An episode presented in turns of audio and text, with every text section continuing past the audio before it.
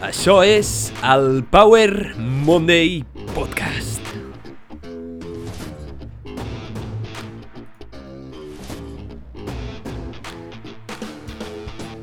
Benvinguts al Power Monday Podcast. Soc en Pau, el teu apassionat de fitness, inspiració i ciència. I en aquest podcast, cada setmana et porto un missatge, personatge, concepte o eina poderosa per ajudar-te a descobrir com desbloquejar la grandesa que tens dins teu i viure millor gràcies a la ciència, l'exploració i el coneixement.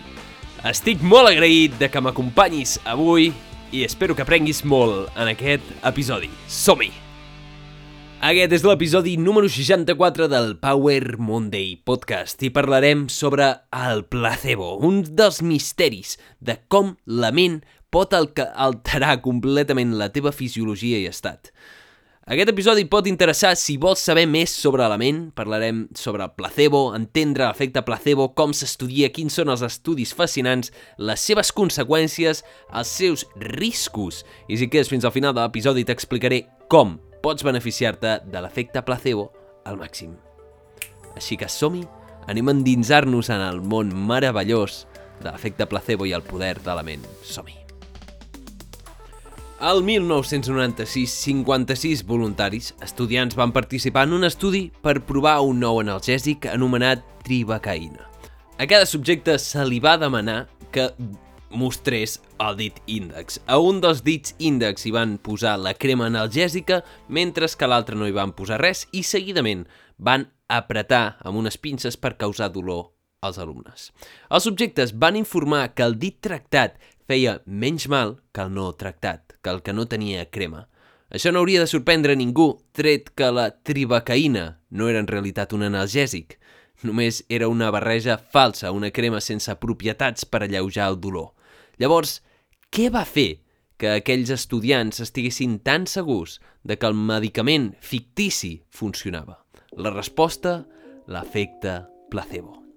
Què és l'efecte placebo? L'efecte placebo és la modificació, sovint fisiològicament demostrable, que es produeix en l'organisme com a resultat de l'estímul psicològic induït per l'administració d'una substància inert sense funció química o un fàrmac o un tractament. Per tant, és la reducció dels símptomes com a resultat de la percepció que els pacients estan rebent un tractament, una intervenció terapèutica. Només pensar que estàs rebent un tractament pot fer que milloris. El més increïble és que no està limitat només als medicaments, no. També s'ha observat en procediments mèdics, fisioteràpia o fins i tot cirurgia. Sí, cirurgia s'han fet estudis en placebo de cirurgia. Com es fan aquests estudis? Doncs bé, agafes un pacient i li dius que li faràs una operació, l'anestèsies i li fas una ferida i el tornes a cosir, però en realitat no has canviat cap estructura física del pacient. Això s'ha fet amb molt tipus d'operacions, des de neurocirurgia fins a operacions de genolls. Per exemple, un estudi publicat al New England Journal of Medicine va observar que una operació d'artroscòpia de... en genolls amb osteoartritis millorava igual la intervenció real que la intervenció de placebo. És a dir, una intervenció on només es feia un tall. Tot i això, hi ha cert, certa controvèrsia amb els placebos quirúrgics, perquè hi haurien alguns problemes ètics i fer una cirurgia sempre té un risc. Fer un tall i cosir sempre té cert risc que potser no hem de córrer. Exemples de com funciona el placebo i de l'eficàcia del placebo n'hi ha moltíssims i en aquest episodi te'n parlaré d'uns quants, de com una pastilla amb sucre, una injecció de solució salina i una intervenció falsa on només s'anestesia el pacient pot tenir efectes beneficiosos increïbles. Per tant, l'efecte placebo ens diu que no és la substància inert, no és la pastilla la que causa el canvi, no és el que hi ha dins del medicament o el que es fa en la intervenció, sinó el context, les creences i les expectatives. Context, creences i expectatives. Això és el que pot causar un efecte beneficiós per al teu cos. No és la intervenció, sinó com es fa, què es fa al voltant i amb què es relaciona. Això està relacionat amb el condicionament pavlovià, que veurem una mica més endavant. Coneixes el gos de Pavlov? Estic segur que ho coneixes, però deixa'm que t'ho recordi. Pavlov va demostrar el condicionament. Ens va demostrar bàsicament que un gos, quan veu menjar, saliva. Un gos, quan sent una campana, no saliva. Però si cada vegada que donem menjar al gos fem sonar una campana, al cap d'un temps, quan fem sonar una campana i no li donem menjar, el gos saliva i produeix suc gàstric. És a dir, comença a preparar-se per digerir el menjar que vindrà. És a dir, es crea una associació, es condiciona el gos o es condiciona un organisme a pensar que aquest estímul auditiu es vincula amb recompensa, es vincula amb menjar i s'activa tota la cascada relacionada. Això ho veurem una mica més endavant amb l'efecte placebo, però queda't amb això que el condicionament pot alterar la teva fisiologia. L'efecte placebo és molt poderós i el tens dins teu, però també existeix l'efecte nocebo, que és el contrari, i és com la ment és capaç d'induir patologies o símptomes negatius sense tenir-ne, només perquè ho creus, només perquè estàs condicionat a creure-ho. És tan poderós que cap medicament no es pot comercialitzar si no demostra que té un efecte superior al placebo. Ara anem a parlar del poder de la ment. Anem a veure una mica com els pensaments poden alterar la teva fisiologia, perquè els teus pensaments i emocions regulen la teva fisiologia, és a dir, com funciona el teu cos. Però això és dual. Tant els pensaments bons com els pensaments dolents poden disminuir o augmentar els símptomes. I això no fa falta que t'ho expliqui jo, ja ho has experimentat tu moltes vegades. Com el teu estat d'ànim, si estàs content o estàs trist, pot determinar els símptomes com el dolor, malestar físic, i molt sovint pot afectar a patologies que estiguis passant. És a dir, si tens una malaltia i estàs de mal humor, és molt probable que aquesta empitjori. Però no només això, els teus pensaments, creences i hàbits mentals tenen un impacte directe sobre la teva salut, no només com et trobes. És un fet establert que les hormones de l'estrès i els neurotransmissors associats regulen l'expressió de gens i creen malalties a llarg termini. Els humans, només degut al gran tamany de neocòrtex que tenim, podem activar les vies de l'estrès només amb el nostre pensament. No cal que hi hagi una situació externa. Podem estressar-nos nosaltres sols pensant en els nostres problemes i totes les coses que hem de fer. Així que amb el nostre pensament podem activar i desactivar aquestes vies. Això vol dir, literalment, que els teus pensaments et poden enmalaltir o almenys que tenen una gran influència sobre quines malalties expressa el teu cos. La teva ment és molt poderosa. Per tant, si els teus pensaments et poden fer enmalaltir, és possible que també et fagin estar bé? La resposta és absolutament sí. Els teus pensaments et poden ajudar a millorar, a recuperar-te d'una malaltia. Però no és tant el pensament, sinó l'emoció que el segueix. Quan tens un pensament, s'encén com un programa i una emoció el segueix. L'emoció és l'expressió del pensament al cos i podem dir que el teu cos és la teva ment subconscient. Si tens un pensament de por, sentiràs ansietat i quan tens ansietat, com més expressi l'ansietat, més pensaràs en l'ansietat i llavors pots entrar en un bucle que això et pot perjudicar.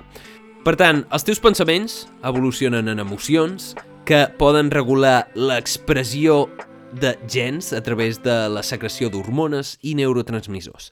Tot és molt més complex que aquesta sobresimplificació, però el que vinc a dir és que el teu estat d'ànim, les teves emocions, creences i el que penses afecten directament la teva salut i aquests efectes els veiem sobretot a llarg termini, com les persones optimistes viuen més anys i presenten menys malalties que aquelles que es consideren pessimistes fascinant.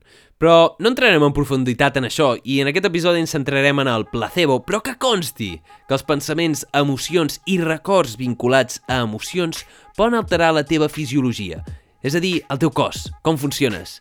I per tant, si emmalalteixes o estàs millor a través de diferents mecanismes que són super mega complexos. Ei, però m'agradaria fer una distinció.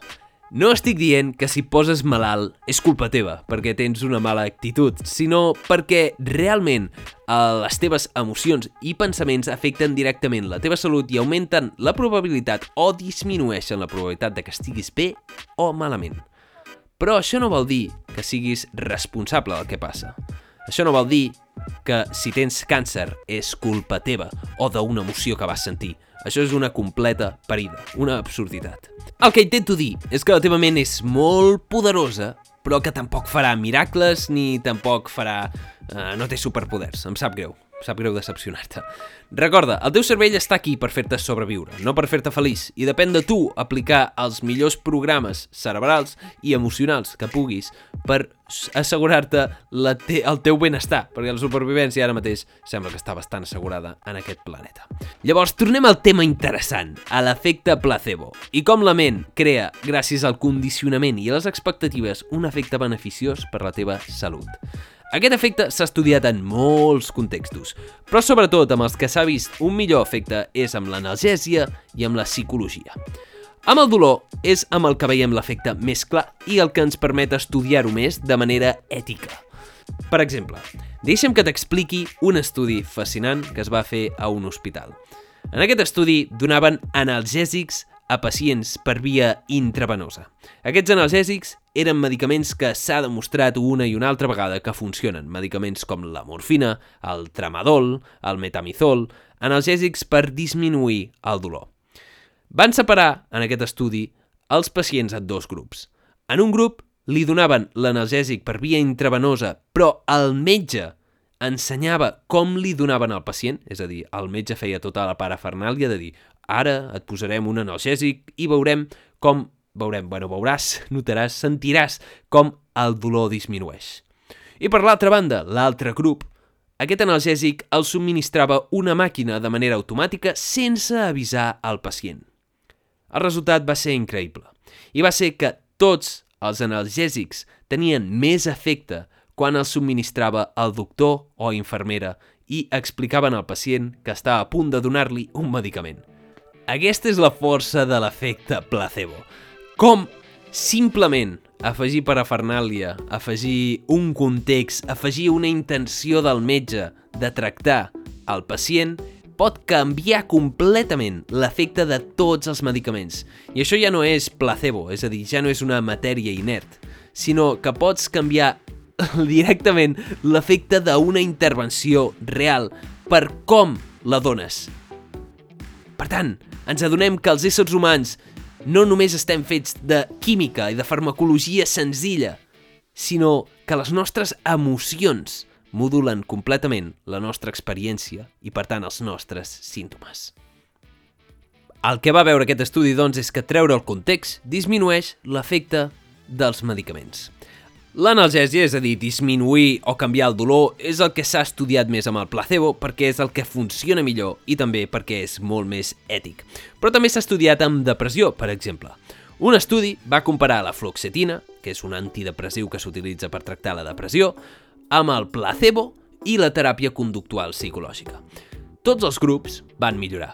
La fluoxetina va ser el que va millorar més. El placebo, però, va millorar més que la teràpia psicològica.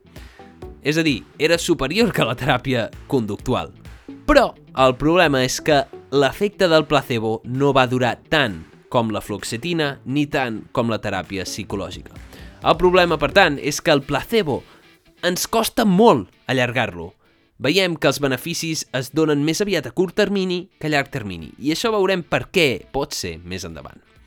Es sospita que el placebo actua en molts nivells, però sobretot a nivell dels endocannabinoides, és a dir, unes substàncies que secreta el nostre propi cos que s'assemblen a la morfina, i això modula la nostra percepció del dolor i de benestar. Això hauríem de sumar altres vies, però com sabem que actua a nivell dels cannabinoides? Doncs ho sabem perquè s'han fet estudis en els que s'administra un placebo per disminuir el dolor, però quan es dona amb naloxona, que és un medicament que bloqueja els receptors opiacis, opioides, bloqueja els receptors en els que es lliguen els endocannabinoides, veiem que l'efecte no es veu. Tot i que hi ha alguns estudis que posen això en dubte, però no entrarem tant en la profunditat del mecanisme d'acció. Però el que et quedi clar és que l'efecte placebo es modula en gran part per als endocannabinoides, aquestes molècules de benestar que pot segregar el nostre cervell, però altres, moltes vies, també la dopamina i altres cannabinoides no opiacis poden actuar en aquest sentit. En resum, el que vinc a dir és que tu ets la teva pròpia medicina. Tu pots crear efectes farmacològics simplement gràcies al teu cervell. Ara deixa'm que t'expliqui un altre estudi, perquè sabem que el placebo, l'efecte de placebo es deu a dos motius principals que es deriven del context. Les expectatives, és a dir, les teves ganes i les expectatives que posa l'altra gent de que tu curis, i el condicionament. El cos es pot condicionar en moltes maneres. Sembla que tenim altament integrats els processos pavlovians de condicionament que t'he explicat abans, del gos de Pavlov, aquell gos que quan sona la campana comença a segregar àcid en el seu estómac i a salivar. Això, que s'ha validat milers de vegades amb molts animals i amb tots els humans, passa també amb els medicaments, almenys a vegades. Hi ha un estudi molt interessant que van fer el següent. Van donar un medicament per disminuir els leucòcits, és a dir, els glòbuls blancs en sang, associat sempre amb un suc de taronja. I també alhora ho comparaven amb un grup placebo, que feien el mateix. Donaven un medicament, els deien això disminuirà els glòbuls blancs en sang, amb un suc de taronja. Van fer aquesta intervenció durant un temps, fins que un dia, en els pacients en els que els hi donaven el medicament actiu de debò i que de debò els hi disminuïa els leucòcits en sang, només els hi donaven el suc de taronja i un placebo. És a dir, un medicament que era mentida, una, una estafa. El resultat va ser que el cos disminuïa els leucòcits en sang igualment. Com pot ser això? Això es deu al condicionament.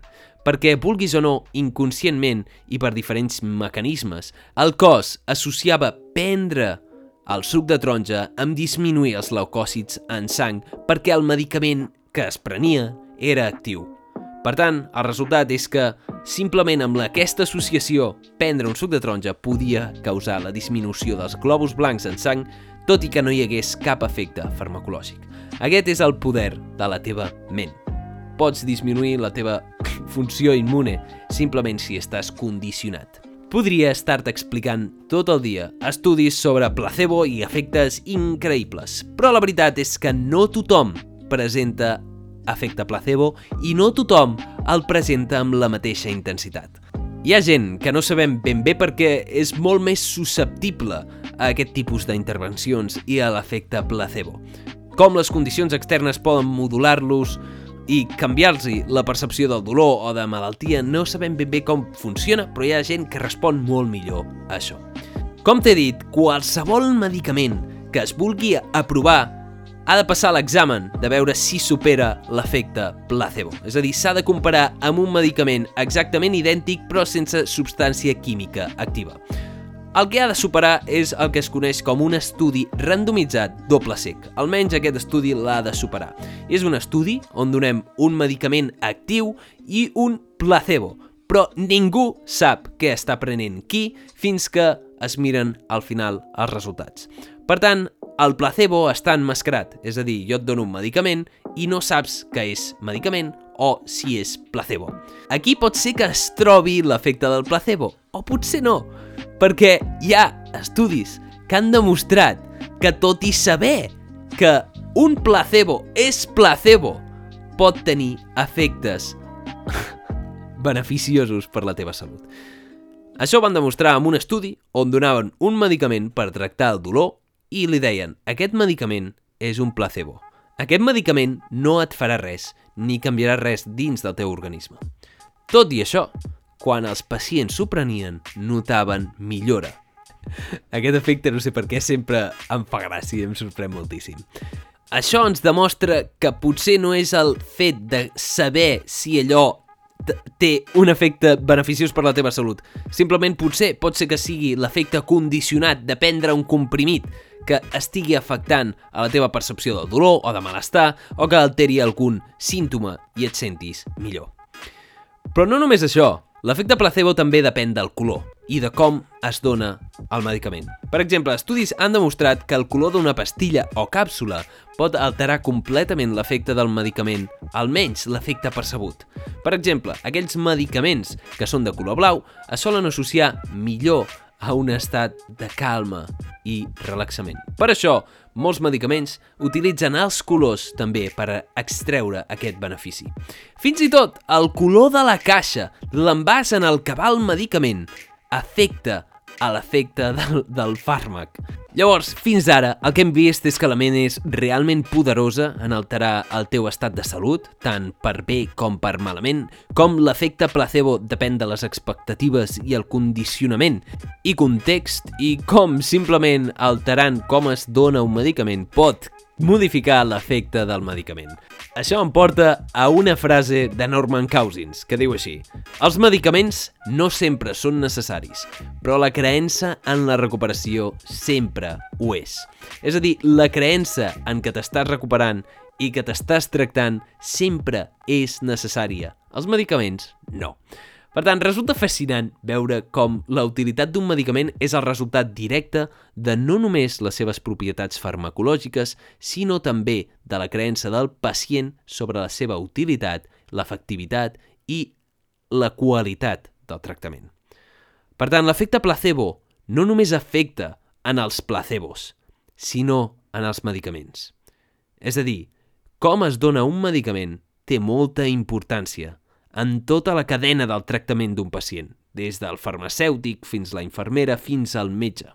Com es tracta és probablement més important en molts casos que què es dona per tractar el pacient.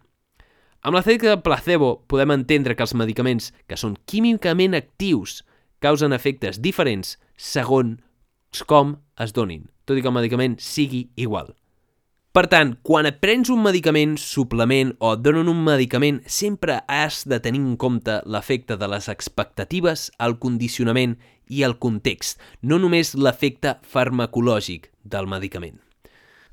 Abans d'anar a veure els punts negatius que té el placebo els problemes que pot presentar i com pots extreure un màxim benefici del placebo, et recordo que si comparteixes aquest episodi em faràs molt feliç i compartint aquest episodi pots ajudar-me a escampar més enllà la paraula de la inspiració, la ciència, per viure millor, gràcies a la informació que comparteixo aquí. Dit això, anem a veure els problemes que pot ocasionar el placebo.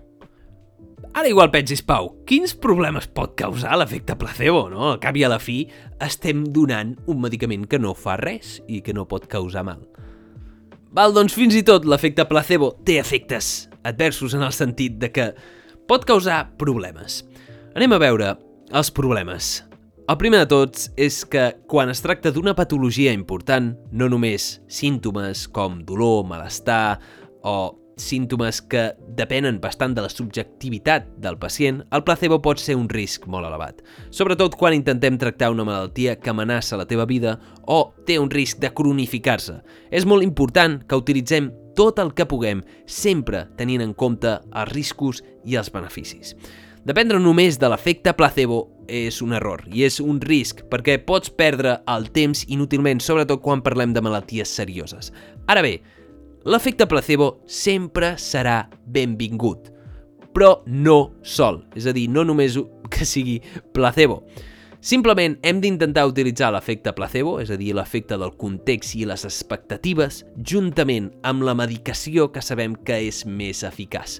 Perquè, com he dit, els medicaments també tenen efecte placebo, perquè també és la mateixa intervenció. D'acord, sí que poden tenir riscos i efectes adversos, però en aquestes patologies, en aquestes malalties com el càncer, és molt pitjor deixar passar el temps i no actuar, i actuar massa tard pot ocasionar la mort o la cronificació d'una malaltia i empitjorar molt, simplement per creure que amb el poder de la ment i el placebo podem sugestionar el cos perquè curi un càncer.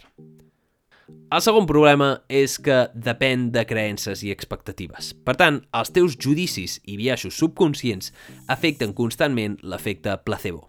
Com t'atén el metge, l'ambient en el que es situa el metge, les teves creences sobre els metges, com t'ho prens i tota la cadena del tractament del pacient influeix en quin percent d'eficaç pot ser el tractament que et prens. Per exemple, s'ha observat que els doctors que tenen el títol en la seva oficina o en la seva consulta mèdica i són més nets, tenen millors resultats en la reducció de símptomes i els pacients estan més contents. Només per transmetre un context de professionalitat i d'atenció, de bona atenció mèdica, els pacients milloren. Llavors, això per què pot ser dolent? Per què pot ser un dels problemes del placebo? Doncs perquè, en funció de què creguis del grup sanitari, dels metges, dels infermeres, dels farmacèutics i de tots els que et tracten com els psicòlegs, um, l'efecte pot ser completament diferent. És a dir, les teves creences d'aquests professionals pot afectar directament l'eficàcia del medicament. Si creus molt en la medicina convencional, tindrà uns efectes. Si creus molt en la medicina alternativa, també tindrà més efectes que no pas si no hi creus. La teva creença i condicionament afecten directament l'eficàcia de qualsevol tractament.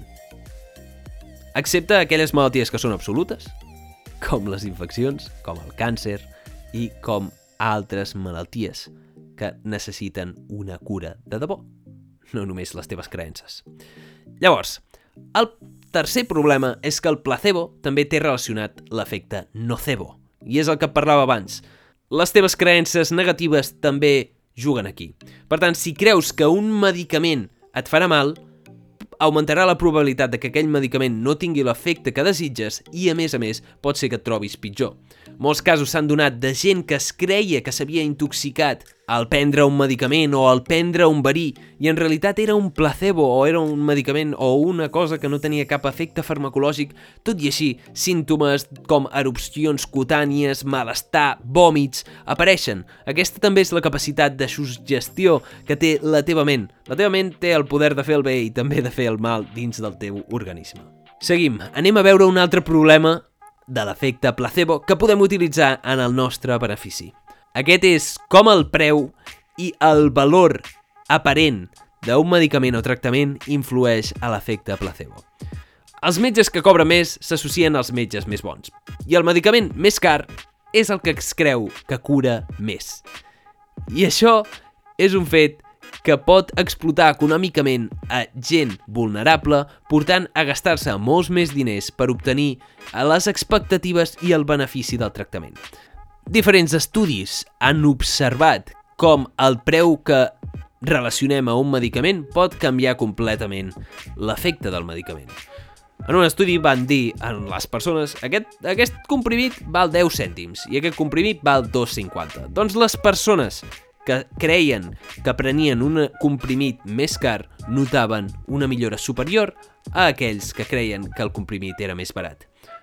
Aquesta és el valor percebut de les coses, com el valor que atribueixes al tractament pot canviar el seu efecte. Això pot ser un problema i alhora pot ser un benefici. Si tens els diners per gastar-te per una intervenció, pots simplement pagar per tenir aquests beneficis extra, per sentir que vas al millor metge, quan en realitat probablement et farà la mateixa intervenció que un metge barat. Això és així, però si, eh, si això serveix per trobar-te millor, benvingut sigui. El problema és que amb la salut a vegades s'ataca a les persones més vulnerables que més ho necessiten amb un medicament venent unes propietats miraculoses i se li carga un preu molt elevat. Però vaja, això no té massa a veure, potser amb l'efecte placebo. L'últim de tots dels problemes de l'efecte placebo és que aquest sol actuar molt més en símptomes subjectius, és a dir, que depenen de la percepció, que no pas en signes. És el que et deia abans. L'efecte placebo no ha demostrat curar el càncer, no ha demostrat curar infeccions mortals, no ha demostrat curar diabetis tipus 1, no ha demostrat curar malalties cròniques, malalties genètiques. És a dir, l'efecte placebo t'ajuda amb la qualitat de vida, però quasi mai cura. Amb el dolor va molt bé i amb altres símptomes més subjectius que depenen fortament de l'estat ànim d'ànim també poden ajudar moltíssim. I realment la ment és molt poderosa i tot just ara estem intentant entendre moltes coses que pot arribar a fer. Però, tot i això, no hem de dependre només del placebo. Per exemple, en un estudi amb asmàtics on se'ls hi donava inhaladors amb placebo, es va veure que aquests milloraven els símptomes de l'asma, és a dir, s'ofegaven menys, però la funció pulmonar no millorava. És a dir, realment el que canviava l'inhalador en placebo no era la funció dels pulmons, no era la seva capacitat de respirar més o menys, sinó la seva percepció. la seva percepció de si es trobaven bé o es trobaven malament. Simplement pel fet de sentir-te tractat pot ser que notis i que et sentis que estàs fent el que és adequat i simplement per això et trobis millor. Aquests són els problemes potencials de l'efecte placebo. I per últim, deixa'm que et digui que moltes pseudoteràpies i pseudociències exploten aquest efecte. Utilitzen molt el context, el condicionament i les expectatives per fer-te creure que et curaràs. Homeopatia, reiki, totes aquestes pseudociències que no s'han demostrat superiors a al placebo és bàsicament això el que utilitzen. I si creus en aquestes teràpies i vols discutir-les amb mi, no tinc cap problema, em pots contactar a Power Monday Show. Dit això, com pots treure els màxims beneficis de l'efecte placebo? El primer pas si has escoltat, ja l'has superat, i és entendre més o menys com funciona. Entendre que és realment la teva ment i que el teu cos pot ser pràcticament una farmàcia que pot ajudar-te a millorar en molts sentits. I que aquest depèn del condicionament i de les teves expectatives. Per tant, quan vagis a que et tractin, quan estiguis tractant una patologia, tingues les millors expectatives possibles. Creu el millor del metge que et tracta. Pensa que vas al millor metge del món. Condiciona el teu cos a creure que això és el millor per tu o fes realment allò que creus que és millor per tu. Perquè les teves creences honestes i sinceres, perquè és molt difícil mentir-te tu mateix, seran les que realment creïn aquest efecte. El segon consell és que et pots prendre suplements i et pots prendre placebo. El meu consell per extreure el màxim benefici a l'efecte placebo i utilitzar-lo al teu favor és que et suplementis. Que prenguis suplements inocus, és a dir, suplements que no tenen riscos, que poden beneficiar la teva salut, però a més a més te la poden beneficiar només pel fet que estàs prenent. Recorda que fins i tot aquells pacients que es prenien un placebo, que sabien que era placebo, tenien un benefici.